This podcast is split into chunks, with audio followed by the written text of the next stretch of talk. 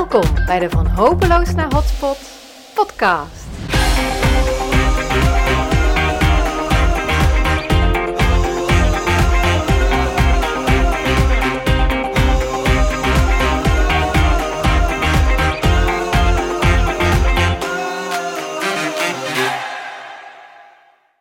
Fijn dat je er bent. Ik ben Sandra Poelman, je host in deze expeditie, waarin we onderzoeken hoe we stadsharten die kampen met leegstand en neergang weer kunnen laten stralen en vibreren van activiteit. Dwars door de crisis heen, want ja, nu ik dit opneem, zitten we midden in de lockdown van de coronacrisis en weten we niet hoe het zich allemaal gaat ontwikkelen. We zien in ieder geval allerlei nieuwe problemen ontstaan in stadscentra en uitdagingen die er al waren, die worden versterkt en uitvergroot. Ik wil graag een steentje bijdragen aan het revitaliseren van stadsharten. Dat doe ik in mijn werk als strategisch adviseur en ik ben betrokken bij meerdere Brabantse steden. En daarnaast ga ik dat doen uh, via deze podcast de komende tijd. Ik ga in gesprek met mensen die bijzondere verhalen en inzichten te delen hebben, met de intentie om door kennis te delen samen slimmer te worden. En dan natuurlijk niet om het ei van Columbus uh, aan te reiken, want dat is er niet. Maar wel om het nadenken over oplossingen en over wat wel kan te stimuleren. Want dat is in mijn ervaring het beste wat je kunt doen bij een crisis. En erover praten met elkaar dus. Vandaag ga ik daarover in gesprek met Geert Simonis van Simanje. Die na een carrière in de projectontwikkeling besloot om niet langer gebouwen te ontwikkelen en daarna even gechargeerd dan weg te wezen. Maar om zelf host te worden voor bedrijven en dan in leegstaand vastgoed. Hij verdiept zich helemaal in de behoeften van zijn klanten en speelt daarop in als, zoals hij het zelf noemt, bedrijfshotelier. Zo heeft hij broedplaats Seamail ontwikkeld in Heerlen en werkt ook aan een broedplaats in de Batenfabrieken in Best samen met de familie Baten. Ook is Geert betrokken bij de revitalisatie van verschillende stadsharten in Limburg.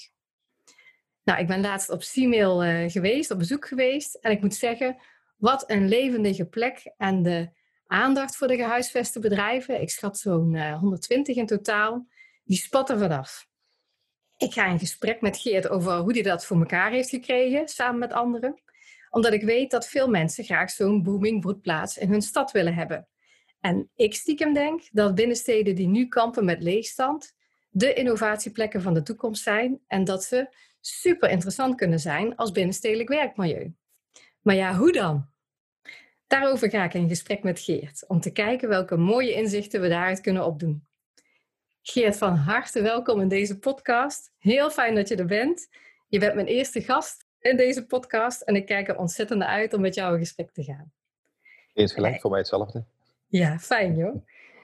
Ik heb je zojuist al kort geïntroduceerd op mijn manier, maar waarschijnlijk wil je daar zelf nog wel wat aan toevoegen. Dus vertel eens Geert, wie ben je en wat drijft je? Ja, inderdaad.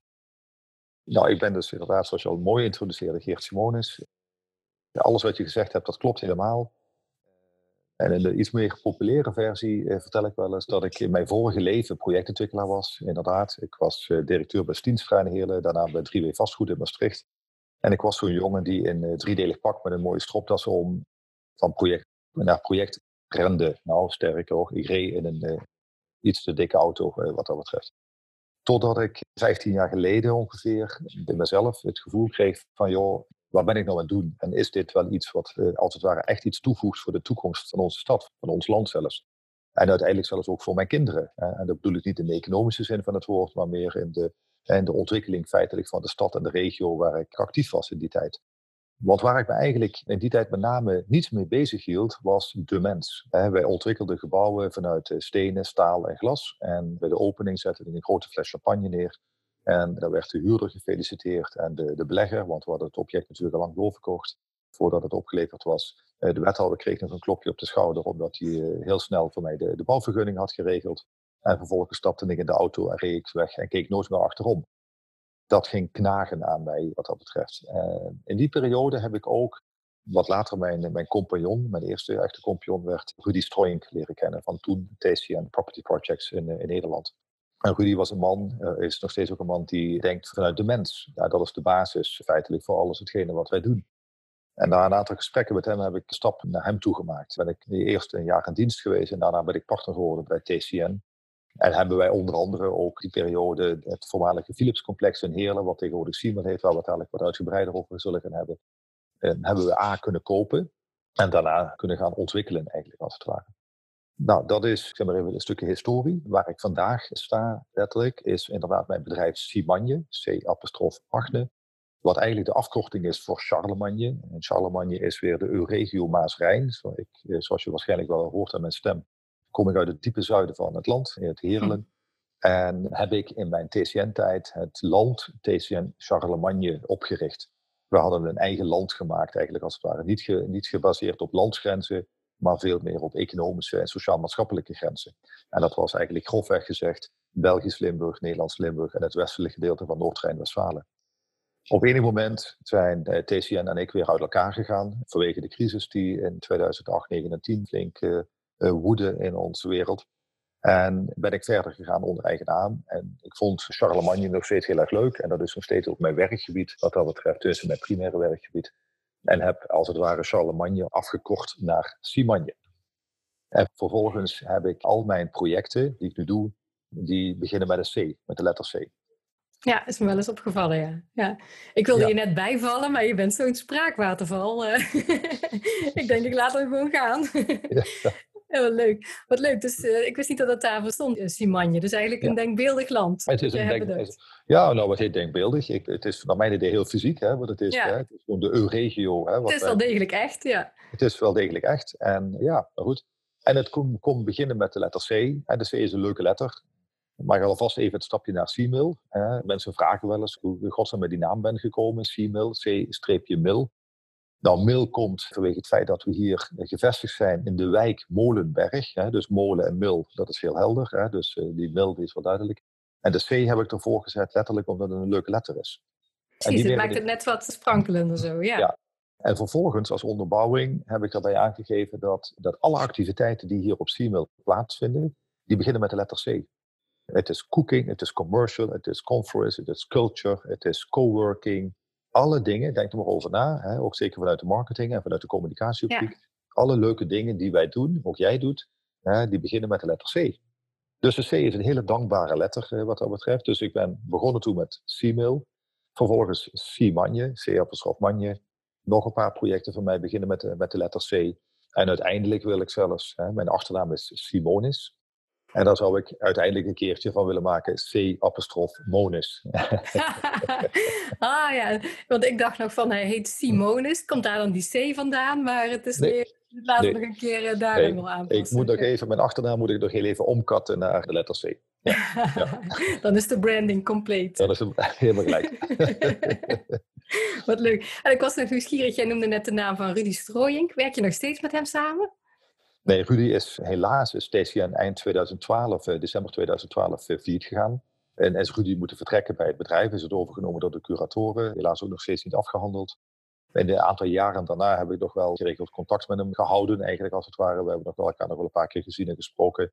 En dat is op dit moment helaas een beetje verwaterd. Wat ik echt wel mis ook wel, want ondanks het feit dat TCN op enig moment uh, failliet ging, heb ik Rudy wel ook altijd heel erg gewaardeerd en waardeer ik hem nog steeds, eh, nog steeds heel erg als een, als een visionair eh, wat dat betreft. In de zin van wat er zeg maar even gaande is in de wereld. En de vertaling die wij weer vanuit onze professie, jouw professie, mijn professie, als het ware daaraan zouden kunnen gaan geven, zouden moeten gaan geven. Ja. En voor mij is hij, behoort hij tot de top drie van de belangrijkste mannen in, eh, in mijn leven. Eén natuurlijk mijn vader, die heeft natuurlijk voor de basis gezorgd. Eh, maar ook als ondernemer is hij een hele belangrijke bron van inspiratie voor mij geweest. Hij leeft helaas niet meer. Twee, Rudy Stroink. En drie, ook heel erg belangrijk, helaas ook eh, vorig jaar overleden, Henk Stienstra. De man waar ik eigenlijk eh, in de vastgoed echt ben mogen beginnen. En die ook voor mij een hele belangrijke bron van, van inspiratie is geweest de afgelopen decennia lang. Ja.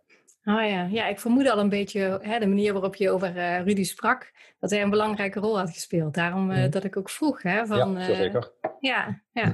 Oh, wat mooi. Ja. En, en ook, je zegt van hij richt zich heel erg op de mens. En ja, ik ken jou al een klein beetje. Ik weet dat dat voor jou geldt. Dat geldt voor mij ook.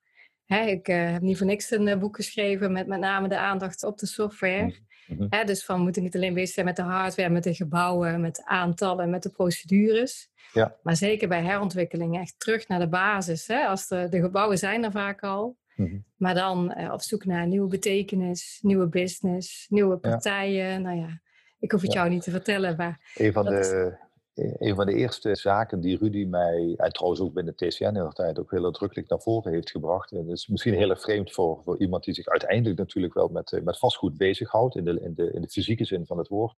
Is de uitspraak dat mensen eigenlijk helemaal niet om gebouwen vragen. We vragen, het is op dit moment heel erg mooi. Het is midden april, het zonnetje schijnt. Het is vandaag in Zuid-Limburg 21 graden. En eigenlijk heb, heb, ik helemaal geen gebouw nodig. Hè. Een verbinding met jou en een opname en, en een tafel en een stoel is al. Uh, en, en, en, wifi tegenwoordig hè. en een kopje koffie. Ja, basisbehoeften. En, en daarbij ja. dat de basisbehoeften. Dus eh, als je nou eens vanuit de ruimtelijke omgeving nadenkt, vanuit het feit dat mensen eigenlijk helemaal niet behoefte hebben aan gebouwen, maar eigenlijk met name behoefte aan de service en de dienstverlening die in die gebouwen plaatsvindt, dan gaan we hopelijk met elkaar in de toekomst gaan we leren en ook zien en ook anders acteren hoe om te gaan met die gebouwen. Er zijn in de afgelopen decennia, hè, en dan bedoel ik zelfs, ik denk wel zelfs de afgelopen eeuw, heel veel mensen geweest die gedacht hebben vanuit stenen en niet vanuit mensen.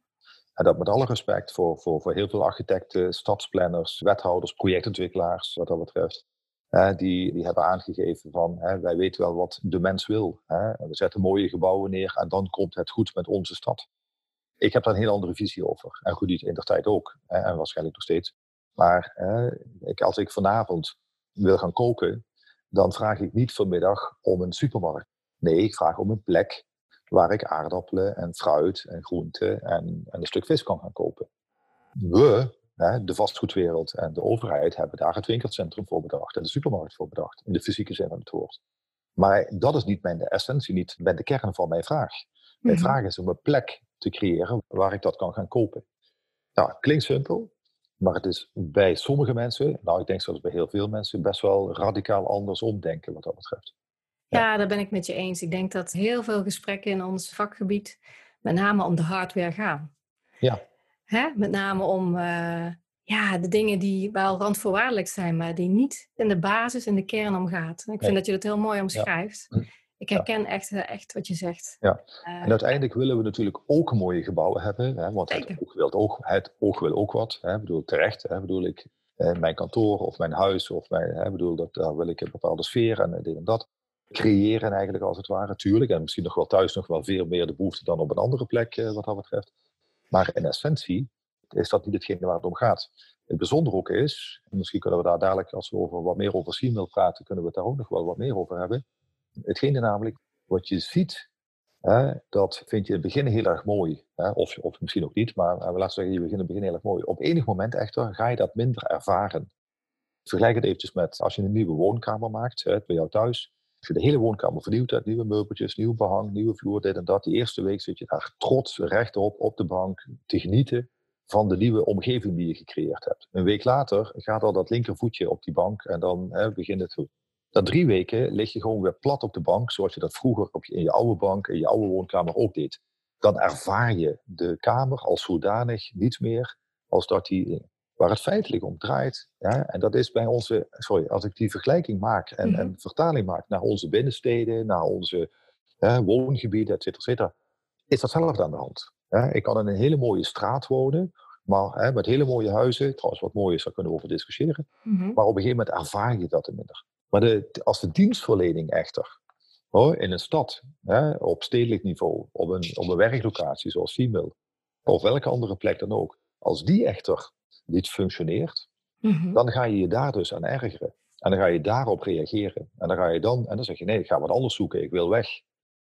en dan kan je wegtrekken uit de stad, omdat de softwarekant niet goed functioneert. Dan kan de, kan de hardwarekant zo mooi zijn als maar wat, maar als de softwarekant niet functioneert, dan ga ik toch weg uit Amsterdam, omdat het mijn beeld is dat het in Utrecht misschien beter is georganiseerd.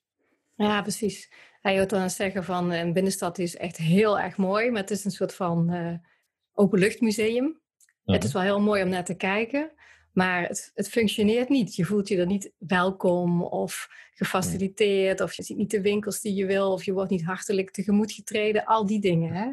Daar heb jij het over. En ik denk, hè, we hebben het nou heel veel over de software. Ik denk dat de combinatie het is wat het zo sterk maakt. Hè? Dus en het nadenken over hoe het uh, mooi eruit ziet, hoe het functioneert uh, in uh, fysieke zin. In combinatie met ja, wat er plaatsvindt en hoe er met je wordt omgegaan. Die combinatie vind ik ook een hele mooie uitdaging. Dus het is zeker niet als tegenstelling bedoeld, maar wel een pleidooi voor veel meer aandacht voor de software. Ja, ja. Laten we in ieder geval er samen naar gaan streven dat het meer en-en wordt. En een mooie omgeving, natuurlijk willen we dat. En ook een, een goed functionerende omgeving. Waar de software minimaal op hetzelfde belang, de waardering, eh, minimaal op hetzelfde niveau ligt als dat het verleden geweest is voor de ruimtelijke uitstraling. Ja, ja precies. Dan zouden we al heel veel bereikt hebben. Ja. Hey, laten we eens uh, het bruggetje slaan naar uh, C-mail. Mm want je hebt in, volgens mij in 2007 heb je besloten om het aan te kopen, toch? Ja, klopt. Hoe stond het ervoor toen je het kocht? en waarom stond het leeg? Uh, oud Philips terrein in Heerlen. Het grappige is, als je er eentje kent, ergens in het land, hè, behalve dan in Eindhoven, want daar zijn de, de Philips gebouwen veel stedelijker van aard.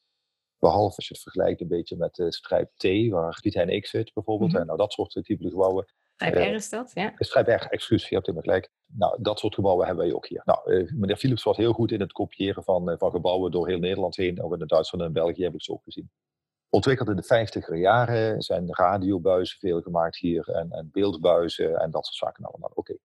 Eind 90 jaren operatie van, van Timmermans. Opera, Centurion. ja. Centurion zijn er heel veel uh, Philips activiteiten afgestoten. En zo is hier langzamerhand op dit complex ongeveer driekwart van de gebouwen in, uh, in ongebruik, hè, dus niet gebruik, uh, terechtgekomen. Op een gegeven moment is het complex ook verkocht aan een aantal, is het opgesplit en, en verkocht aan een aantal vastgoedleggers, ontwikkelaars, die er eigenlijk niks mee deden. En, hoe groot was het? Hoe groot is het? Het is in, in grondoppervlakte 15 hectare en in gebouwelijke oppervlakte is het 43.000 vierkante meter aan gebouwen. Ja. En met name 50er jaren gebouwen, 50, 60er jaren gebouwen die we hier hebben. Nou, toen we in 2007 de mogelijkheid kregen om het aan te kopen, dat was in de, tijd dat ik, samen, wat ik partner was bij TCN, dus ik heb het toen samen ook met Rudy aangekocht, stond driekwart, ongeveer 13.000 meter, stond daarvan leeg. En die andere meters die waren nog in gebruik door een aantal oud-Philips bedrijven, die er nog zaten, waarvan er ook nog steeds zelfs een paar zitten. En we hadden op dat moment ook de laatste Limburgse Philips-vestiging hier. Ja, dat was een Philips Medical Systems eh, tak die zich bezighield met het maken van röntgenapparaten. Met name de kernbuizen eigenlijk als het ware van het röntgenapparaat. Nou, in 2007 gekocht op 1 eh, oktober. 30.000 meter leegstand. Nou, voordat we, dat was nog in de tijd, zeg ik heel open, dat, dat was net voor de crisis. Hè, dat, eh, daar ga ik dadelijk nog even ja. ja. En, um, dus in die periode werd ons het geld van de banken nog, eh, nog nagegooid, zeg maar even heel populair. We hebben toen drie drie offertes aangevraagd bij drie verschillende banken. Nou, de, de offertes lagen nauwelijks eh, uit elkaar, dus we hebben ze letterlijk maar van de trap afgegooid. Zoals de leraar eh, statistiek dat vroeger ook deed. Hè. Degene die het verste naar beneden kwam, die kreeg het hoogste punt. Nou, eh, zo hebben we dat met die offertes in de tijd ook zo'n beetje als half grapje gedaan. Nou, gekocht, gefinancierd, en gemiddeld erbij, et cetera, et cetera, en aan de slag gegaan. En in 2008, toen waren we net begonnen pas met, met echt nadenken. Hè, want, want we wilden wel op een andere manier te werk gaan dan gebruikelijk brak natuurlijk zeg maar even de pleuris uit in de wereld. Ja, zeker. Dat ging over de kop. De ene dag op de andere dag zaten we in een, in een financiële hè, bankencrisis en ook natuurlijk ook in een vastgoedcrisis. Ja. En dat heeft wel geleid tot een paar slapeloze nachten natuurlijk voor mij. Want ja, dan ben je net eigenaar, eh, trots eigenaar geworden van een object. Net voordat je de mouwen echt flink hebt opgestroopt, gaat, eh, staat de hele wereld op zijn kop. Ja, dus precies. en wat doe je dan? Ja. En wat doe je dan? Ja, het grappige is dat we, toen zijn we in, de zomer van 2008, dus net in die tijd dat ook crisis uitbrak, ben ik met het eerste, ik zeg maar even onder Siemel, het eerste ondernemershuis in de markt gaan zetten. En klaarblijkelijk, hè, dat heeft dan zich naar de hand zo is dat naar voren gekomen, is dat eigenlijk het beste product geweest wat ik in de markt heb kunnen zetten in, crisistijd. Wat boden we aan? Iets wat we op dit moment als al heel gebruikelijk zien. Hè. Kleine kantoortjes, hè. tegenwoordig noemen we het flexwerken, coworken en dat soort en, en flexibele ruimtes aanbieden tegen, hè, tegen kortlopende huurcontracten met een vaste prijs en met een heel dienstenpakket eromheen. Nou, 2008 was dat in Limburg al helemaal niet bekend. Toen zaten nog steeds alle kantoorverhuurders zaten op eh, vijfjarige huurcontracten en eh, huur betalen en je mond houden en eh, klagerskees. En ik ging in de markt met toen de tijd in eerste instantie met eenjarige contracten en daarna contract voor een bepaalde tijd. En als de ondernemer het echt niet anders kon, dan hè, was het wel van, al, van begin af aan hè, voor een kortlopend contract.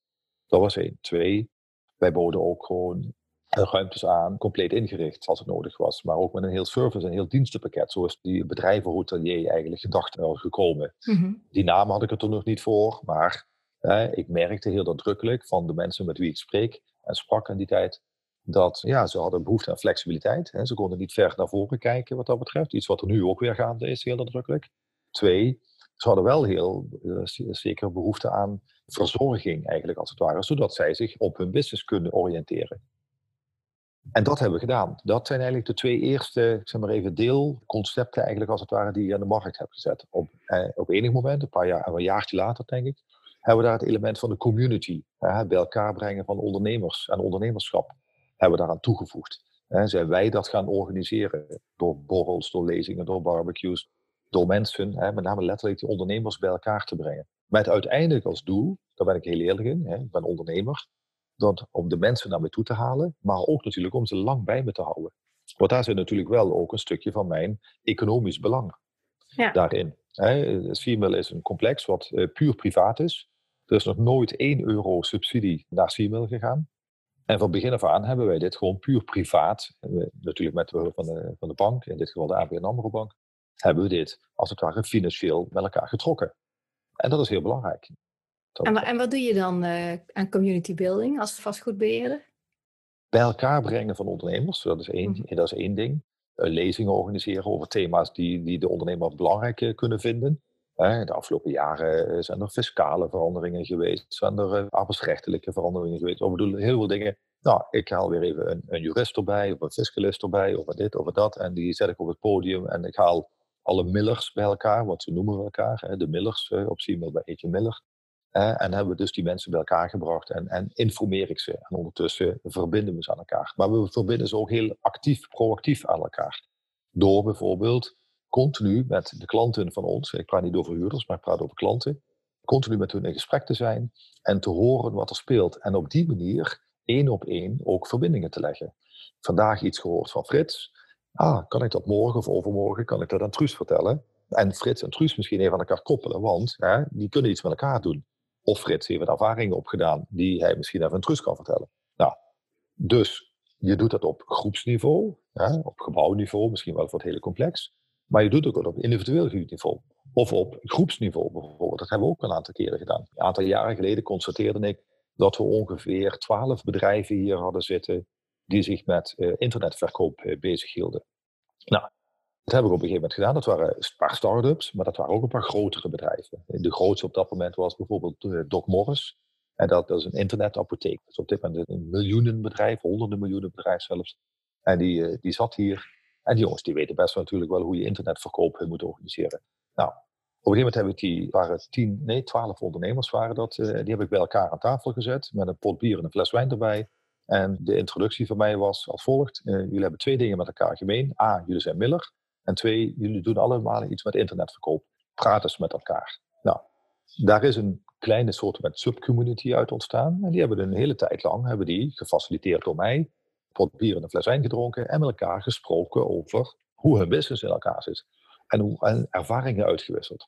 Ja, precies, die hebben elkaar samen weer verder gebracht. Dat bedoel ik. En vervolgens hoorde ik van het grote bedrijf, Doc Morris, dat ze het heel erg leuk vonden om met die start-up te praten. Want die kon namelijk dingen doen die een groot bedrijf helemaal niet kan. Hè? Ja. bedoel, die heeft daar beperkingen in. En die kleine jongen vond het natuurlijk wel heel erg tof en cool om natuurlijk eens even met de IT-man of whatever dan ook van Doc Morris te kunnen praten. Want die, die mensen die weten wel waar, eh, hoe de wereld in elkaar zit op dat gebied. Dus het was over en weer, was het, een, eh, het was echt letterlijk een kruisbestuiving over en weer. Nou, dat zijn voorbeeldjes, individuele basis, groepsbasis voor het hele complex, gethematiseerde basissen, hoe wij als het ware ondernemers eh, bij elkaar brengen en ervoor zorgen dat ze, hè, dat ze meerwaarde halen uit het feit dat ze samen bij ons op dat complex zitten. Ja, wat bijzonder om te horen. Ik ben blij dat ik er even op doorvroeg. Want ja, het wordt vaak gezegd, hè, we doen dingen aan community building. Maar gewoon door wat jij uitlegt, al die manieren waarop dat je daar actief vorm aan geeft. Het lijkt me ook heel veel werk, maar ik vind het ja. echt super bijzonder om te horen. Compliment daarvoor, want ik heb nog niet zoveel, zoveel van dit soort dingen gehoord. Ik denk dat wij in Limburg de eerste waren, maar ondertussen niet meer de enige. Wat ik ervaren heb in de afgelopen jaren is natuurlijk dat hè, eh, andere broedplaatsen hier wel eens af en toe kwamen spieken, hè, om mm even netjes uit te drukken. En dan met name naar huis gingen en de dingen die ze gezien hadden, in de fysieke zin van het woord, als het ware eh, gingen, uh, nou druk het ook maar weer even positief uit, gebruiken op hun mhm. locatie. Zo kwam ik nog wel eens een keer, als ik zelf dan weer op andere locaties ging kijken, elementen tegen waar ik dacht, hé, hey, die heb ik al eens eerder gezien. Met een blinkje naar mezelf toe, wat dat was op mijn eigen complex.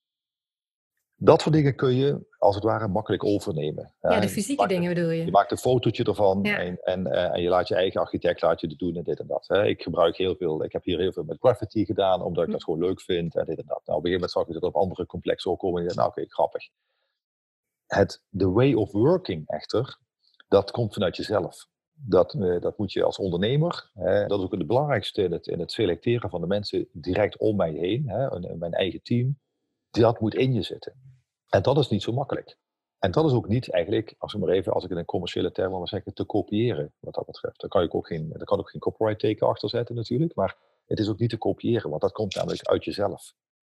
Ook nu weer, in deze crisis, waar we nu net sinds een paar weken in zitten, ervaar ik weer echt dagdagelijks, vanwege het feit dat ik zelf hier rondloop, met alle ondernemers praat, met een paar collega's met wie ik dat samen doe, dat die persoonlijke betrokkenheid, echt die letterlijke betrokkenheid van hoe gaat het met je en dit en dat en zoiets. Hè? En kan ik je helpen, hè? gewoon echt een helpende hand uitsteken. Dat dat hele belangrijke factoren zijn waarom mensen niet hier naartoe komen, want dat, is van, dat krijg je niet in een brochure verwoord dit en dat, maar wel hier blijven. Op het moment dat ze hier zijn en ze ervaren dat, dan blijven ze hier. Omdat, en dan zeggen, hoor ik zo letterlijk zeggen, dit vind ik niet op een andere plek.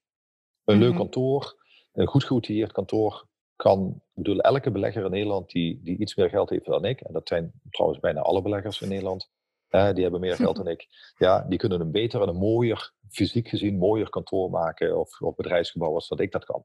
Maar dat extra denken, die extra aandacht, die way of thinking, dat is het, zoals de Duitser zegt, het gewisse etwas, wat wij daaraan toe kunnen voegen. Ja, herken ik wel. Ik zie ook veel broedplaatsen waar in het begin best wel vanuit een collectief werd gewerkt en mensen elkaar wisten te vinden, maar dan ontwikkelt zich dat.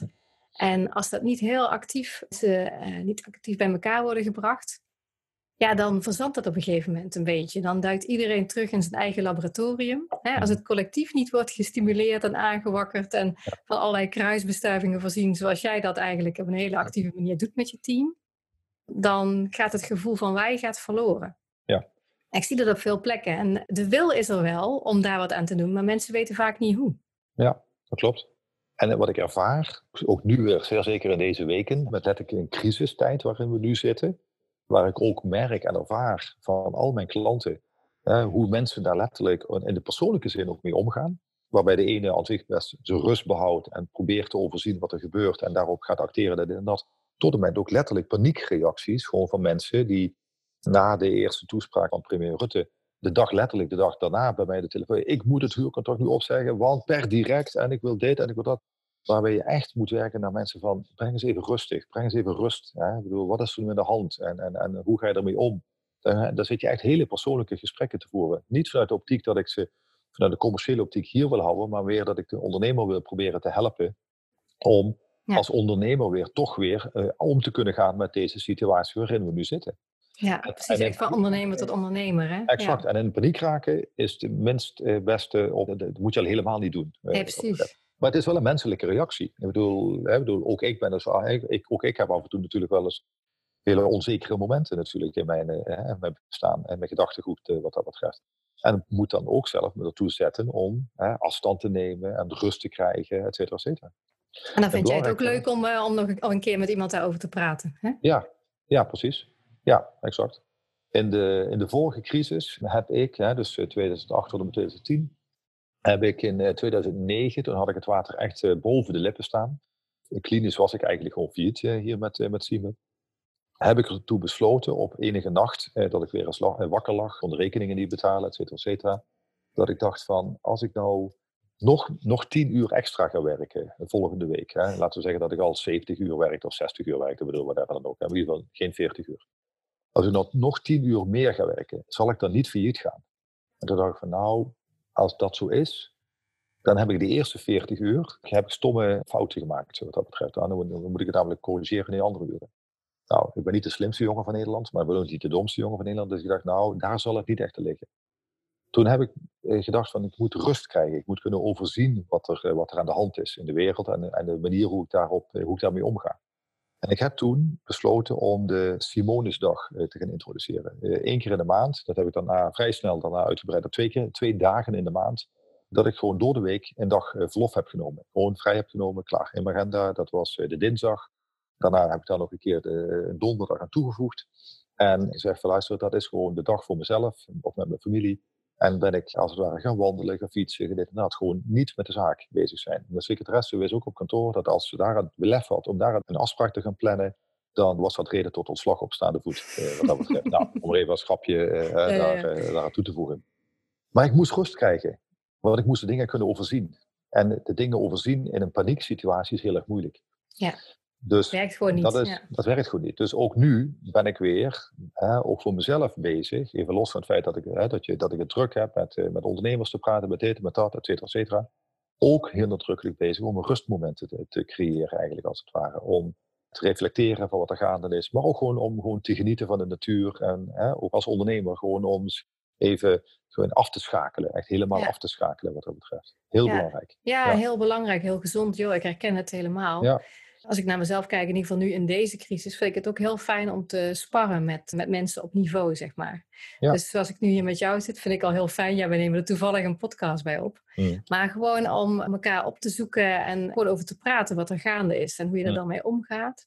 Ja. Vind ik echt, ja, dat is voor mij dan ook weer echt zo'n zo'n eikmoment van, oh kijk, ja, iedereen zit in een onzekere situatie. We weten niet waar het naartoe gaat. Hm. Maar we kunnen alleen maar vandaag doen wat, wat we vandaag kunnen doen. En als we dan gewoon hoopvol naar de toekomst kijken en goede stappen zetten, dan hm. komt het vanzelf ook weer goed. Ja, precies.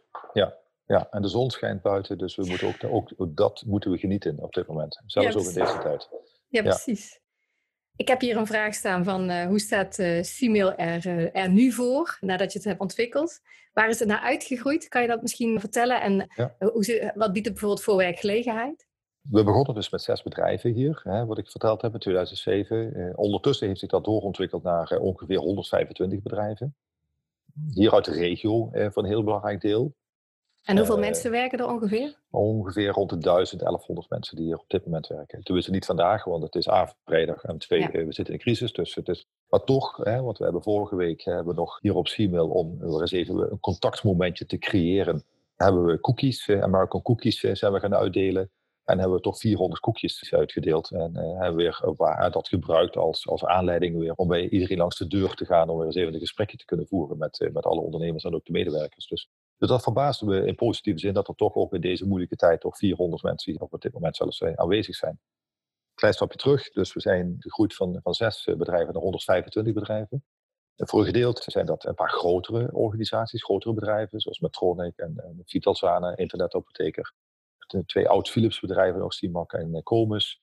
En aan de andere kant een hele grote groep van, van kleinere, van start-ups in de IT-wereld, grafische ontwerpers, designers, architecten, we hebben een hondenfotograaf hier. Dat had ik, uh, had ik nooit eh, van mijn leven van tevoren kunnen bedenken dat we zoiets hier zouden krijgen. We hebben jongens hier die zich bezighouden met artificial intelligence. En zojuist heb ik nog net een nieuwe start-up leren kennen die zich met animatie, eh, animatietekening, animatie media bezighouden hier. Dus, dus ook zelfs nu ons, hè, komen er weer, toch ook zelfs nu komen er nieuwe start-ups komen hier naar, naar ons toe. Nou, een hele brede, laat ik branchering, zoals we dat dan in gemeentelijke termen noemen. Daar ben ik ook doelbewust op ingegaan. Helemaal in het begin heb ik heel nadrukkelijk de keus gemaakt om het complex niet een bepaalde zeg maar thematiek mee te gaan geven. Zoals we die natuurlijk in het land kennen, of bij de, de campussen, hè, zoals de high-tech campus in Eindhoven, de smart service campussen hier in Zuid-Limburg, of nou ja, in Wageningen, de campus, et cetera, et cetera, wat heel erg thematisch georiënteerde campussen zijn.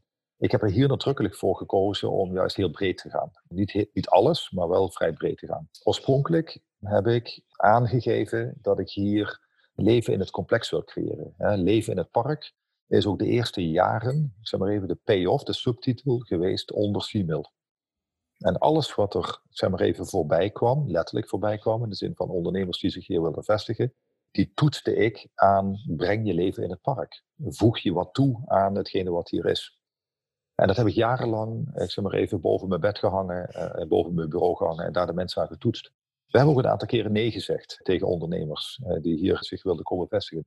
jaren geleden, eind 2008, komt er een ondernemer naar me toe die een stuk grond van mij wilde kopen van, ik dacht 5000 vierkante meter. Hij was hier naartoe gestuurd eh, door de gemeente. Hij was namelijk al drie jaar aan het zoeken in de hele regio naar een geschikte plek voor zijn bedrijf. De gemeente die hadden aangegeven, nou, als je begeerd gaat, dan heb je binnen twee weken de bouwvergunning, et cetera, et cetera. Nou, ik ben uiteindelijk natuurlijk ook een commerciële jongen, dus ik dacht, bij elke zin die die man zei, ging bij mij de, de grondprijs met, met 10 euro per vierkante meter omhoog. Dus ik dacht nou, dat wordt een appeltje eitje. en na een paar minuten dat dat vertellen was, ze vroegen ze, god, wat een bedrijf heb je eigenlijk? Wat doe je? Ja, zegt hij, ik heb een dierencrematorium. En ik heb hem letterlijk aangekeken en ik denk, jij voegt niks toe. Jij, bent geen, jij brengt geen ah, leven in het park. Dus ik heb ter plekke direct nee gezegd tegen die man. Die nacht natuurlijk wel even een, een paar uurtjes slaap eh, minder gehad. Want ik heb natuurlijk wel op dat moment, nou, laten we zeggen, tegen een half miljoen, 600.000 euro eh, grondverkoop neergezegd.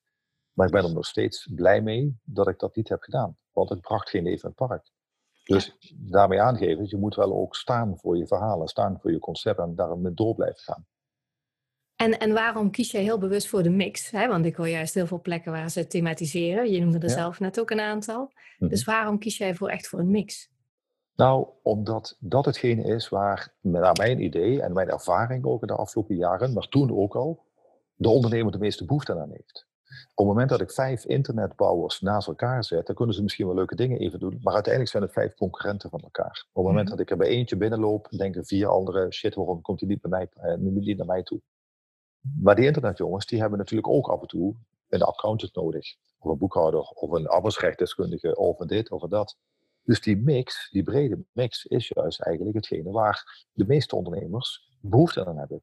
In hun eigen business weten ze meestal wel, ook wel buiten het complex, hun mensen te vinden. Want dat zijn hun collega's of concurrenten of de mensen waar ze hè, vanuit de businesskant, als het ware, eh, nadrukkelijk mee samenwerken. Maar de zaken waar je wat minder vaak mee te maken hebt, die vind je dan niet. En die hebben we juist bij elkaar gebracht eigenlijk in die tijd. Dus wat heb ik trouwens ook in de werkmethode, even, en dat is ook een hele interessante die we ook heel goed kunnen gebruiken voor, uh, voor binnenstedelijke ontwikkelingen. Wat ik gedaan heb is in die tijd, dus in begin 2008, met een teampje, een multi-talent groepje, wat ik toen had genoemd, zijn meerdere talenten bij elkaar. Vanuit een brede zin van, van, van achtergronden, hè, van kunstenaar en een grafisch ontwerper en, en van alles en nog wat, hebben we zitten denken, niet vanuit de optiek van wat wil ik, maar wat wil ik gewoon per se niet. Dus we hebben gedefinieerd wat we per se niet willen op CML. En wat er overblijft, en dat tot op de dag van vandaag heb ik daar rendement van, hè, zijn de kaders waarbinnen wij kunnen werken. Dus niet door te definiëren van wat, wat wil ik wel. Wat ik had toen niet kunnen bedenken in 2008, dat ik vandaag eh, een hondenfotograaf bij mij op het terrein zou krijgen. En jongens, en het woord artificial intelligence, daar had ik helemaal nog niet van gehoord. Ik heb niet opgeschreven wat ik wel wil. Ik heb juist per se nadrukkelijk opgeschreven wat ik niet wil. Het sluit op elkaar uit, want uh, ik ben dan zo iemand die mensen echt uitlokt om op te schrijven wat ze wel willen en om hen te stretchen in het denken. Ja. Ik vind het een hele interessante invalshoek van opschrijven wat je, wat je niet wil, maar mag het ook een combinatie van jou? Natuurlijk, ik laat me er ook nog wel eens geleden, gedeeld, uh, geregeld toe verleiden om, hè, om inderdaad wel ook aan te geven wat ik wel wil. Denk echter ook eventjes ook eens andersom. Hè, dat mhm. omdenken letterlijk, hè, wat we natuurlijk de laatste tijd wel vaker horen dat helpt je in het creëren feitelijk van de ruimte. En als ik kijk naar het voorspellen van de toekomst, want dat wordt natuurlijk wel ook aan veel mensen zoals jou en mij, en, hè, hoe, hoe gaat zich dat in de toekomst ontwikkelen dan? Voor een gedeelte weet ik het ook niet. Daar ben ik heel eerlijk in. Ik weet het voor een gedeelte ook niet. Maar op het moment dat ik dan kaders gecreëerd heb, die dan te eng zijn. En ik moet ze dan over drie jaar, of over twee jaar, of over vijf jaar moet ik ze weer gaan veranderen. Dan ben ik heel lang bezig en heel moeilijk. Is het heel moeilijk, hè, als het ware, op basis van die nieuwe inzichten weer te gaan veranderen. Ja, ja, nee, precies. Dat zeker niet kennen. Ja. ja, dat bedoel ik. Ja. Ik kan me nog herinneren dat ik in die tijd naar de wethouder ben gestapt. En gevraagd heb om een, om een nieuw bestemmingsplan voor, uh, voor Je weet, in Nederland eh, bestemmen we positief. Hè? We schrijven op wat je mag en de rest mag je niet. Dus ik heb toen letterlijk op zijn kamer gevraagd van, god, zou ik zou graag een negatief bestemmingsplan willen hebben. Even los van de naam dat dat negatief klinkt, maar hè, dus geen positief, maar een negatief bestemming. Laten we opschrijven wat ik niet mag en de rest mag ik wel. Zijn letterlijke opmerking was, op het moment dat hij me trouwens de camera flikkerde, was van, oh, ik, Simone, ik snap het wel, je wilt weer alles. Ja, ik zeg, nee, nee, ik, dat schrijf op. Hè. Maar ondertussen stond ik al op de gang, had hij me letterlijk van de camera afgeduwd. Ondertussen heeft de overheid dat ook wel in bredere zin ook wel gezien. En er lopen al aardig wat initiatieven en wat pilots in het land van andersom denken, ook in planologie. Ja, ik snap wat je zegt, hoor. Want vaak, hè, als wij willen gaan herontwikkelen naar een andere functie, dan heb je de partijen wel mee en de situatie leent zich ervoor. Maar dan zit je met een heel knellend bestemmingsplan. Precies. Waar je eerst nog hele lange procedures doorheen moet om eigenlijk het hele goede mogelijk te maken. Dus ik begrijp nou heel goed wat jij bedoelt. Ja. ja, en dan gaat het er soms nog niet eens om dat ofwel de ambtenaar of zelfs ook de wethouder snapt en begrijpt en ook zelfs wil meewerken aan hetgene wat jij als het daar op dat moment in gedachten hebt, zeker de vraag die je stelt. Alleen het verder afhandelen in de planologie die we nou eenmaal hebben in Nederland, ja, die duurt het ondertussen toch weer zodanig lang dat de ontwikkeling misschien alweer voorbij is of dat we alweer ingehaald worden. Of dan hebben we dat gemist. En ja, precies. Want heel veel dingen, je zegt het ook wel eens, tijdelijkheid is het nieuwe definitieve. Ja. Ja, ik hoor me dat zelf ook vaak zeggen. Als je in die tijdelijkheid de situatie goed wil neerzetten en de kansen die er zich voordoen wil benutten, hmm. ja, dan ben je gebaat bij flexibiliteit, ook qua regelgeving. Juist. Want anders dan gaat het hem vaak niet worden. Dan lukt het je niet. Nee, nee dat klopt. Ja, inderdaad. Ja. ja. Er zijn natuurlijk ook wel vaak die crisis- en herstel uh, dingen voor ingezet. Tuurlijk. Maar dan heb je dat soort ja, monsterwetgevingen nodig feitelijk om dat gehandeld te krijgen. Terwijl dan natuurlijk als je met stedelijke ontwikkeling bezig bent, hè, dan wil je gewoon graag natuurlijk dat in dat, in dat stedelijk gebied waar je aan de slag bent, hè, wil je gewoon de ruimte creëren binnen bepaalde kaders om in te kunnen spelen op toekomstige ontwikkelingen. Als we nu met elkaar zien dat in binnensteden de functie retail, even los van de crisis waar we sinds vorige maand in zitten, maar ook eigenlijk daarvoor al als het ware Ja. Als we zien dat de retailbehoefte, de retailfunctie, een minder belangrijke rol gaat spelen. Ik bedoel, degene die dat nu nog niet ziet, ja, die, die komt echt van een andere planeet. Dan is de A, de volgende vraag is van, hè, wat is dan wel de reden waarom jij en ik en, en alle andere Nederlanders over een jaar waarvoor je net naar het centrum gaat? Hè, wat is de behoefte? En hoe ga je daarop inspelen? En hoe ga je dan daar als het ware ook je planologische kader voor creëren? Als je met elkaar ziet en ook, ook accepteert dat er veranderingen plaatsvinden. En als je ook nog eens een keer met elkaar accepteert, dat, je haalde het net al aan, dat mijn uitspraak is, uh, tijdelijk is een nieuwe definitieve, dat de veranderingen in de, in de, toekomst zo snel elkaar zullen opvolgen, dat je continu aan het veranderen bent. Dat dus ook je gebouwen, niet alleen in de fysieke zin van het woord, maar ook in de planologische zin van het woord, als het ware zodanig voorbereid ervoor moeten worden dat we daar veel sneller mee kunnen veranderen, dan moeten we daar nog wel hele belangrijke stappen in zetten. En zullen we de planologen en de bestuurlijke gremia die we hebben in Nederland, uh, zullen we daar nog wel op moeten, doorverrend moeten gaan krijgen. Ja, maar ik denk ook wel uh, andere factoren. Bijvoorbeeld vastgoedeigenaren houden bijvoorbeeld vaak vast aan een winkelfunctie. Omdat die gewoon hè, voor meer euro's in de boeken staat. Ja. Precies, ja. Wat zijn je gedachten daarover? Ja, nou A, dat, dat iedereen daarin moet gaan meeleren. We moeten dat allemaal gaan ervaren. Komen allemaal uit een tijd tenminste ik zeker met van volgende week 54-jarige eh, leeftijd, kom ik uit een tijd dat vastgoed ja, een hele traditionele business was, sector was. Ik bedoel, de, ik denk zelfs de meest traditionele zo'n beetje in Nederland. Wat veranderen, dat doen die vastgoedmannen helemaal niet graag. Die moeten gewoon het liefst gewoon een tien jaar huurcontract eh, sluiten. Elke maand eh, de huurfactuur sturen, die huurder moet betalen, voor de rest ook ophouden. En we moeten naar een model gaan waar ook in de binnensteden veel meer vanuit flexibiliteit. Nou, dat vraagt heel veel veranderingszin en ook inzicht van, van de vastgoedwereld. Voor een gedeelte merk ik wel dat het al gezien wordt. Maar op het moment dat je dan ook nog moet gaan handelen, ja, dan moet je wel je comfort loslaten. Ja, en dat is natuurlijk voor iedereen natuurlijk best wel moeilijk op gezette momenten om hetgene wat je hebt los te laten, niet precies wetende wat je ervoor terug gaat krijgen. Dus als mens snap ik dat wel een beetje. Hè? En als ondernemer zeg ik van ja, maar je zult wel die stap moeten maken. Want als je het nu niet doet, dan doet je buurman het wel en dan ben je gewoon te laat. En dan, dan wordt het alleen maar van kwaad tot erger.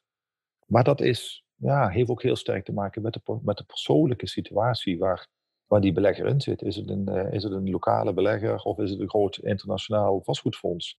De vastgoedbelegger die bestaat niet. Hè. Heb je gelijk in, ja. Dus, een vastgoedfonds internationaal, die hebben hele andere elementen die, die spelen in de beoordeling eh, van hun vastgoed dan eh, de lokale ondernemer die zeg maar even zijn pensioen heeft liggen en zitten in dat pand op de, in de winkelstraat, wat hij in de afgelopen tien jaar lekker verhuurd had, maar waar sinds kort gewoon niemand meer voor te vinden is. Omdat.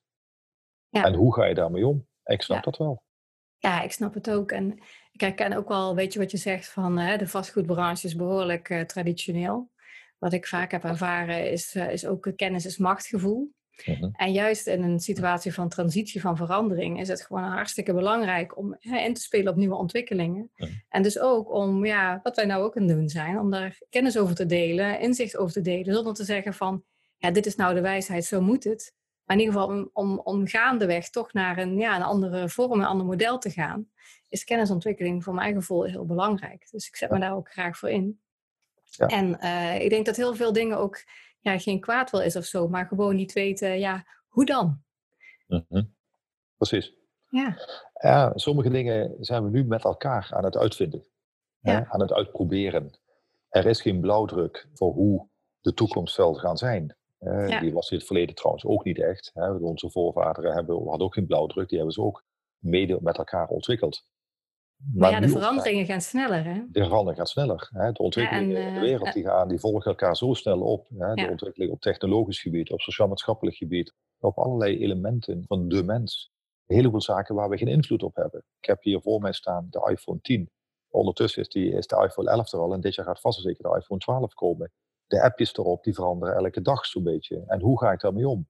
Ik heb daar, jij en ik hebben daar geen invloed op. Dat zijn ontwikkelingen die gebeuren gewoon. En mensen, ons mensen, de Nederlanders, de Europeanen, iedereen, de mensen in de wereld, wij maken daar gebruik van. En wij, als mensen die zich bezighouden, toevallig met een stukje zeg maar, stedelijke ontwikkeling, hè, met, met binnenstedelijke ontwikkeling of met een bedrijventerrein of whatever dan ook, met een beetje de, de relatie met de fysieke kant, wij zullen daarmee moeten gaan handelen. Of je het wilt of niet wilt. Ik bedoel, als je niet wilt, ja, dan, dan, dan stop maar met werken. Want dan, hè, dan hoop ik dat je genoeg op de rekening hebt staan. Want daar gaat het dus niet meer worden. Ja, precies. Eigenlijk moeten meer mensen comfortabel kunnen worden bij learning by doing. Ja, en bij de, en bij de veranderingen die gaan plaatsvinden. Ja. ja. ja.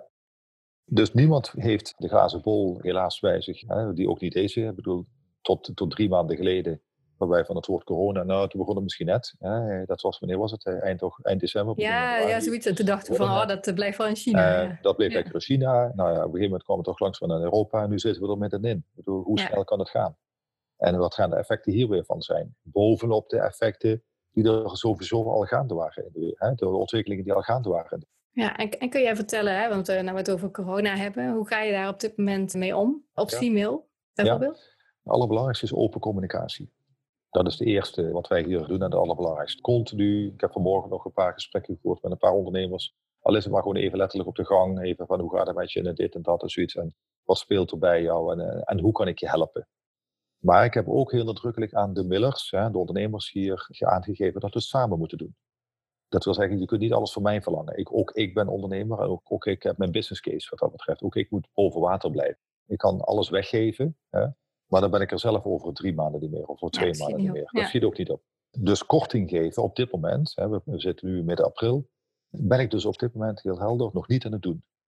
Wel betalingsregelingen op individuele basis bij elke ondernemer. Want bij elke ondernemer is het ook weer anders. Met Frits gaat het best goed, want die had er wat geld op de spaarrekening staan en die krijgt nog een beetje van de overheid en dan kan die wel de komende drie, vier maanden mee overbruggen. Bij Henkie, die draait trouwens als een tierenlier, dus die heeft helemaal geen hulp nodig. Die moet misschien zelfs nog een beetje extra ruimte erbij krijgen, want die krijgt uh, volgende week krijgt hij nog zes pallets geleverd die hij even tijdelijk moet opslaan. Ik bedoel, hè, dat is een heel ander verhaal. Maar Truus, die heeft het uh, inderdaad gewoon heel moeilijk, want zij is evenementenorganisator en die heeft gewoon in één dag tijd al haar evenementen voor de rest van het jaar zien wegvallen. En van omzet uh, 100 naar, 100 naar, naar omzet 0 in twee seconden. Dus iedereen moet je op een andere manier blijven helpen. Ja, echt dus maatwerk. Het belangrijkste is, het is maatwerk en de basis is oprechtheid.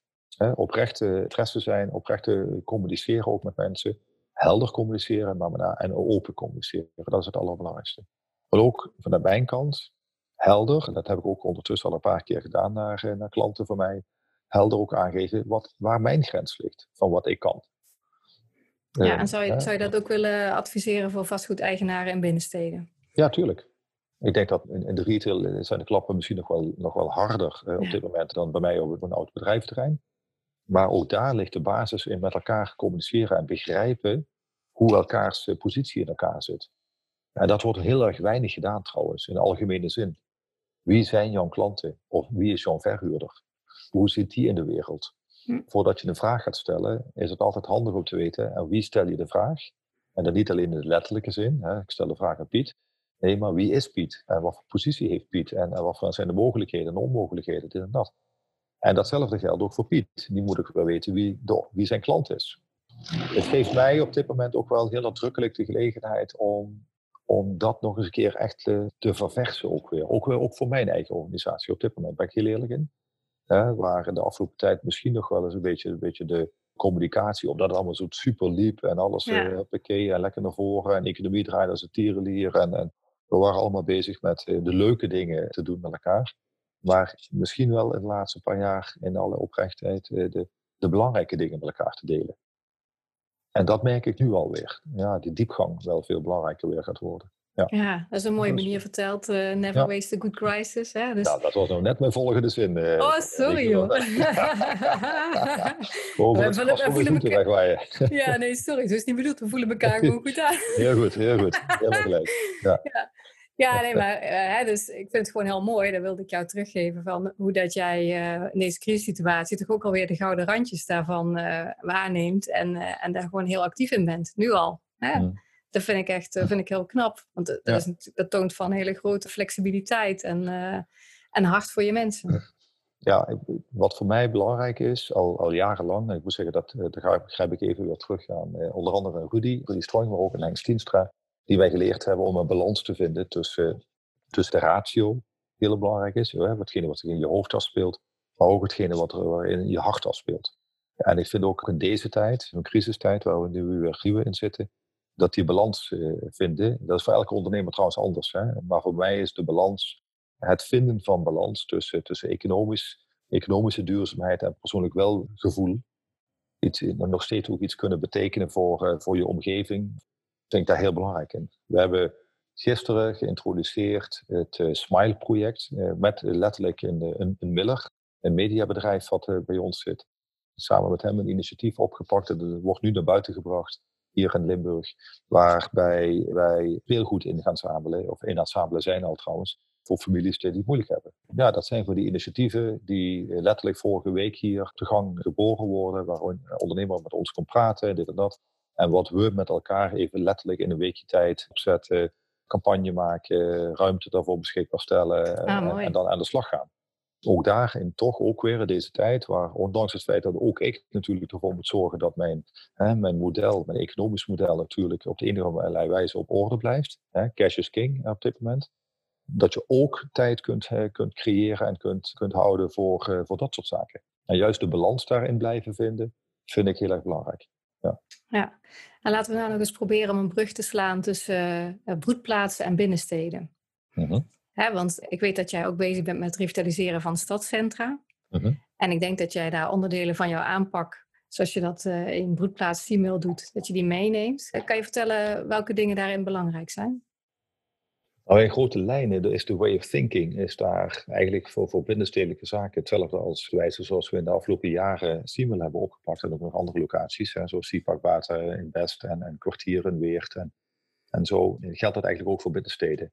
De mens staat centraal. Dus toen ik bijvoorbeeld een jaar, anderhalf jaar geleden, de vraag kreeg van de gemeente Brunsum, dat ligt, uh, is een, een, gemeente van rond de 40.000 inwoners net boven aan de noordkant van, uh, van Heerlen om met hun mee te denken over de binnenstad van Brunsum. Toen heb ik gezegd, oké, dat wil ik graag doen. Maar je gaat het soort vastgoed niet in mijn mond horen, eh, wat dat betreft. Ik wil het hebben over mensen, ik wil het hebben over eh, diensten, over beleving, over gevoel, over, over, nieuwe functies. En dat soort zaken. De fysieke omgeving, die komt daarna pas aan de orde. En het eerste wat we ook natuurlijk gedaan hebben, was toen een concept home ingericht, waarin we met burgers, met ondernemers, met onderwijs, met kinderen, met studenten, met iedereen gesproken hebben en eigenlijk de vraag gesteld hebben van wat is de reden waarom je vandaag naar de binnenstad komt? En wat denk je wat de reden zal zijn dat je over drie, vier, misschien zelfs vijf jaar naar de binnenstad gekomen? Het laatste is trouwens echt heel erg moeilijk, zeker voor burgers, hè, voor, voor eh, mensen die daar niet dagelijks mee bezig zijn. Maar als je ze daarmee helpt dat retail een steeds minder belangrijke rol zal gaan worden, dan komen daar elementen naar voren die, waaruit je kunt leren hoe je dus als het ware in de komende tijd weer de binnenstad weer in ieder geval de functie kunt gaan geven. Niet van de marktplaats, de retailplek, zoals die de afgelopen decennia is geweest. Maar wel, en dat, dat vind ik dan veel belangrijker, de plek waar eh, mensen bij elkaar kunnen komen. Waar ze elkaar eh, kunnen spreken, waar ze, waar ze elkaar ontmoeten. Waar de community uit de stad als het ware letterlijk bij elkaar kan gaan komen. Ja. En dan, dan zullen daar dus ook nieuwe functies uit naar voren gaan komen, die ook de komende jaren, en ik denk ook wel zelfs de komende decennia, de nieuwe rollen zullen gaan zijn die in de binnenstad hun plek gaan vinden. Ja, ja, dat plek van ontmoeting begrijp ik helemaal. Hè? Dat voel ik ook zo. Daaraan neem ik het woord stadshart ook in de mond. Ja, hè? Omdat ik denk van ja, het is qua herontwikkeling niet een bedrijventerrein aan de rand, hè? of zomaar ergens een kerk of een klooster. Mm Het zijn echt de, de, harten van onze steden waar we elkaar uh, willen treffen. Ja. Waar ook een hoop economisch verkeer is. En natuurlijk, de retail heeft de afgelopen decennia de boventoon uh, uh, gevoerd. Als ik kijk, vroeger ging ik zo vaak een dagje shoppen met mijn moeder of met vriendinnen. En dat is veel minder. Mm. En tegelijkertijd wil ik nog steeds naar die binnenstad. Ja, en wat wil je er dan beleven? Wat wil je Ja. er dan tegenkomen? Maar wat was nou de beleving van toen je met je eh, moeder en met vriendinnen ging shoppen, vroeger, hè, laten we zeggen tien jaar geleden? Tuurlijk ging het natuurlijk ook wel om het, eh, om het uitzoeken van een nieuwe jurkje of een blouseje of eh, whatever dan ook. Hè. Maar het was het samen zijn met, eh, met je vriendin en met je moeder. Dat was, de, dat was de kern van het verhaal. En het uitte zich in inderdaad het mee naar huis nemen uiteindelijk van, eh, van een nieuw blouseje bijvoorbeeld of zoiets. Hè. Ja. Maar dat was de resultante van. Maar de basis was de behoefte van jou om met andere mensen eh, samen te zijn. En het winkelen, dat was de uiting daarvan. Dat laatste, dat doen we op dit moment op andere plekken, digitaal en op welke manier dan ook. Maar die behoefte, die basisbehoefte, die is er nog steeds. Dus jij wilt dadelijk nog steeds met vriendinnen, met je moeder, naar een plek gaan waar je gezellig samen kunt zijn. Alleen je doet dat niet meer door van winkeltje naar winkeltje te lopen, hè, maar op een andere manier. Maar mogelijkerwijs wel op diezelfde fysieke plek als waar vroeger die winkels waren. Ja, ja. Nou ja, vroeger was natuurlijk de horeca ook al belangrijk. Hè? Ging ik ook Ja. liever daar shoppen, waar niet alleen de Ja. winkels waren, maar waar je ook Dus- gewoon eh, op, een, op een fijne manier ergens een drankje kon Ja. drinken. Ja. En als ik kijk naar deze tijd, en ik zei al van, ik zie de binnensteden ook wel als super aantrekkelijke werkmilieus van de toekomst. Want we zijn met steeds meer zelfstandige ondernemers in, eh, in Nederland. Ik geloof 1,2 miljoen en het groeit. Mhm. En ja, ik zie de binnensteden als eh, ideale plekken voor dat soort van ondernemers om, eh, ja, om een zaak te hebben, om anderen te ontmoeten. Eigenlijk al die dingen die we net met elkaar omschrijven. Hoe, hoe Ja. kijk jij daar tegenaan? Oh ja, zo zeker. Kijk, in het verleden hebben we natuurlijk planologisch gezien hebben we alles uit elkaar getrokken. Hè. Daar woonde je en tien kilometer verderop, daar werkte je en daar deed je de shoppen en daar deed je dit en daar deed je dat. Gelukkig zien we nu, snappen we nu ook en zijn ook, eh, wordt ook gefaciliteerd dat dat het weer veel meer eh, gemengd kan gaan worden. Hè. Dus ook het, de werkmilieus voor een redelijk groot gedeelte, hè. een groot logistiek bedrijf en een chemisch bedrijf ga je niet in de binnenstad leggen, dat snappen we. Maar een heleboel werkfuncties kunnen tegenwoordig ook weer gelukkig veel meer in, de, in het centrum of in de wijken ook eh, opgenomen gaan worden. Oh, Omdat ook milieuwetgeving, maar ook milieutoepassingen eh, natuurlijk eh, ja, als het ware be- verbeterd worden. Ik kan me goed herinneren dat een, goede vriend van mij, die heeft hier in de regio een hele grote bakkerij. Die werd tien jaar geleden letterlijk de wijk uitgepest en moest aan de rand van de stad gaan zitten vanwege stank en dit en dat, grote pijp die vanuit de oven natuurlijk naar boven ging.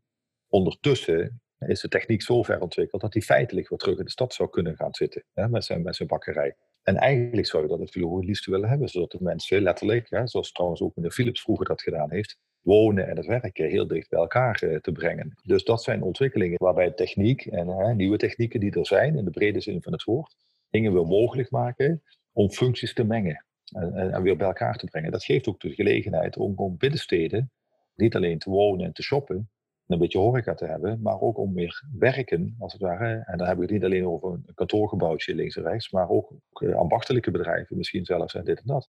Om die nadrukkelijker weer, weer terug die binnenstad in te brengen. Ja, En ik daar die levendigheid breed, ook weer uithalen. Ja, Ja. ik denk breed. Ik, ik kan me ook voorstellen, ja, allerlei bedrijven die jij nou ook op het terrein hebt zitten. Ja. De start-ups, Ja. eh, de kantoorachtige bedrijvigheid. Zou dat prima op zijn plek kunnen zijn, omdat het een combinatie vaak is van werken, van concentreren en van ontmoeten. En dat kun je in een vergaderruimte doen in je eigen pand, maar dat kan ook daarbuiten. Klopt. Kijk, fysiek lukt het me helaas niet natuurlijk om Siemel, een Siemel met 15 hectare even, even op te pakken Nee, en te, te transponeren naar de binnenstad van Heerlen. Maar in de inhoudelijke zin heb je wel gelijk. Ja, natuurlijk. Ja. Ja, nee, natuurlijk niet. De Simil hoeft ook niet te verhuizen. Het is meer van, kijk, het mooie van broedplaatsen is ook, ik kan me voorstellen tenminste, dat er best wel bedrijven zijn die bij jou op Simil zitten, die uit een jasje groeien. Mhm. Toch is dat zo. Ik zie het bijvoorbeeld bij Strijpen S. Hè. Heel veel bedrijven die daar beginnen. Een, aantal die redden het niet. Maar een heel aantal die redden het wel. En die gaan op een gegeven moment hebben die behoefte aan een andere vorm van huisvesting. En Ja, die vinden ze dan op Strijp S. Of die vinden ze op Strijp T. Of Ja. ergens anders in de stad. Of ergens anders in de stad. Ja. Hebben een eigen gebouw op een gegeven moment nodig. Hè, nadat ze inderdaad de opstartfase bij, daar of, of bij ons hebben gedaan. En hebben dan op een gegeven moment hun eigen plek, hun echte, echte grotere plek nodig. Dat, natuurlijk, dat gebeurt ook hier. Hier gaat af en toe wel eens iemand weg nadat hij gewoon ook al een aantal keren trouwens hier heeft doorgegroeid. Dat hebben, we, hebben, vorig jaar nog meegemaakt. Een heel erg leuk bedrijf wat zich bezighoudt met het maken van kussens. Met name voor de horeca. Dus hebben op dit moment waarschijnlijk natuurlijk even wat, wat moeilijker. Maar, maar echt een hele had zich hier, is hier een aantal keren doorgegroeid. Hè. Is zich groter gemaakt, groter gemaakt. Op een gegeven moment ja, ging ook dat zelfs knellen. En zijn ze uiteindelijk zelfs naar, zijn ze toch hè, van ons terrein vertrokken. En zij ze, hebben ze hun eigen, hun eigen gebouw genomen op een, op een ander bedrijventerrein. Nou, dat gebeurt. Ja, dat is, maar dat is op zich ook heel mooi, hè? die werkgelegenheidsontwikkeling. En, want daar doe je het ook voor. Hè? Ik, ik, zie vaak in steden dat ja, hun dienstensector weinig voorstelt. Hè? Dat het vooral wonen is en, en een stuk industrie. Uh, maar dat die hele nieuwe economie, dat die daar nog nauwelijks ja, wortel heeft geschoten. Ja, precies dus ik denk dan van, nou ja, ik zou heel graag op meerdere plekken ook. Het hoeft niet alleen hè, maar enkele plekken te zijn, maar er is op veel plekken ruimte voor broedplaatsen. Mhm. Juist eh, als het op een goede manier gebeurt, zoals jij omschrijft, dat ondernemers elkaar kunnen vinden en versterken. Mhm. En daar heeft, ja, iedereen heeft daar gewoon spin-off van. Of je nou verhuurder bent, of stad zelf, of als bewoners, weet je wel zo. Ja, maar je moet het wel ook wel een beetje in je hebben om op een gegeven moment ook, hè, bijvoorbeeld zoals zo'n bedrijf wat er vorig jaar bij ons weg is gegaan, als eigenaar van het complex, om als het ware ook dat dan te laten gebeuren. Ja, ja om te kunnen loslaten wil je zeggen. Wat, ja, los te, los te kunnen laten. Hè. Op een gegeven moment ook samen met hun te concluderen uh, van jongens, je kunt beter ergens anders gaan zoeken. Misschien kan jou niet meer faciliteren wat dat betreft. Ik heb de plek er niet meer voor. Zeker, je bent zodanig gegroeid en ik bedoel, eigenlijk als ondernemers, hè, bedoel, het is voor jou slimmer om ergens anders te gaan zitten, om je eigen plek. Ja. en dat is, de ene keer is dat zo, de andere keer is dat weer, hè, bij de andere situatie is dat weer wat anders. Ik bedoel, dat is ook, ook daar niet is, er is, is geen blauwdruk voor wat dat betreft. Maar ook daar ligt hem de basis in het feit dat je er open communiceert met, eh, met je klanten. en op een gegeven moment ook inderdaad misschien moet zeggen, ik heb het niet zo letterlijk tegen hun gezegd, daar ben ik heel eerlijk in, maar maar we hebben het wel ook met elkaar wel geconcludeerd dat het beter is als we op een andere plek gaan zitten. En tegelijk hebben ze de hele ervaring van hun opstart bij Simil. Oh, daar ben ik, dus, ik ben er mega trots op. Gegroeid. Ze zijn letterlijk, dat die garage waar ze oorspronkelijk zijn begonnen. Hè, de eerste echte eh, fysieke, andere fysieke plek is bij ons. Daar hebben ze een aantal jaren hebben ze bij ons flink doorontwikkeld en weggetimmerd en dit en dat. Dus daar ben ik echt mega trots op. En ik ben er ook trots op dus dat ze nu op een andere plek zitten wetende dat ze bij mij, als het ware, niet de start gemaakt hebben, maar wel de doorontwikkeling gemaakt hebben. En daar ben ik, daar ben ik gewoon trots op. Ja. ja. ja. en dat zal bij hun ook in de genen zitten. En uh, ja, als zij dan weer met ondernemers praten, die zullen zeggen van, oh, zoek je een plek? Nou, denk eens aan daar en daar, weet je wel. Zo werkt het natuurlijk. Inderdaad, en dat is ook mijn doelstelling. Dat al mijn klanten, maar ook mijn oude klanten, mijn ambassadeurs zullen zijn. En inderdaad, de feestjes en borreltjes thuis, als we die dadelijk weer mogen doen, vertellen dat Female een, een hele goede plek is om te, kunnen, te kunnen gaan zitten. Ja. ja. ik ben al bijna bij de, de laatste vraag en nog twee. Goed. Welk boek of welke training heeft jou bijzonder geïnspireerd en raad je de luisteraar aan? Ik moet zeggen, boeken lees ik uh, ja, toch af en toe wel. De laatste tijd ietsje minder, dus ik moet er, ik moet er weer eens even flink aan gaan. Het boek van Simon Sinek, First Ask Why. First ja. Asked Why is natuurlijk eigenlijk een van de, ja, zeker voor, voor, voor mensen zoals jij en ik, in, in de zin van de tools krijgen van, van hem. De filosofie die erachter zit, hè, het waarom. Hè, ook als ondernemer, je nou bezig bent met die binnenstad. Of eigenlijk als, als ondernemer, dan moet je echt het waarom. Waarom doe ik iets? Ja, ik heb opvolger gelezen. The Infinite Game. Dat is ook echt super interessant boek. Dus als je nog eens een keer wat moet lezen. Het is een nieuwe boek. Ik ga het opschrijven. ik ga het snel lezen. Wat ik aan First Ask Why zo boeiend en interessant vond, vind, nog steeds, is de diepere reden vinden waarom je iets gaat doen. Kijk, de uiteindelijke, de diepere reden is niet om geld te verdienen. Hè? Dat is hetgene wat hij ook heel duidelijk zegt. de mooie vergelijkingen die hij ook maakt tussen Apple en, en, en, en, Microsoft en de, of Dell in die tijd, whatever dan ook. zo van, ik maak mooie computers, koop mijn computer. En, en Apple die, die over de mens zoals zijn verhaal zegt. En, en, uiteindelijk lever ik je daar een computer voor. Ja. Nou, die, die gedachte, vertel het vaker ook aan ondernemers. Ik probeer mezelf ook geregeld voor te houden. En ook mijn collega's hier bij mij op kantoor. Wat is, wat is de why? Wat is de waarom? Waarom doen wij dat? En de waarom is niet het geld verdienen. Dat is de resultante daarvan. En ja, dat heb ik ook nodig. En ja, ik ben ondernemer, dus ik wil er ook, ik wil er ook geld mee verdienen. Daar schaam ik me ook niet voor. Maar de echte why is het achterhalen van de dieperliggende vraag die er is, waar wij een antwoord op willen geven. Binnenstedelijk, eh, werklocaties, wonen, overal in ons, in ons werkgebied. Dus dat is het boek. Dat, vind ik, dat blijft voor mij eigenlijk nog wel een van de belangrijkste van de afgelopen decennia. Ja, nou, mooie aanbeveling. En dan nog uh, laatste vraag. Welke plek vind jij bijzonder inspirerend en waarom? Ja, dat is natuurlijk een hele moeilijke. Uh, als inkoppertje zou ik natuurlijk kunnen zeggen, uh, het zoveelste reclameblokje over e-mail te maken. ja, dat, dat zou te gemakkelijk zijn. Maar het is wel echt ongelooflijk leuk hier. ja, ik kan het onderschrijven. Ik ben bezig kijken. Ja. En het is, het is heerlijk nu met het zonnetje buiten. Ik, ik kijk hier vanuit mijn kantoor naar buiten toe. Ik zie het grasveld hier voor me een bankje buiten, collega's die buiten zitten te praten. En inderdaad, het is echt, echt super gaaf.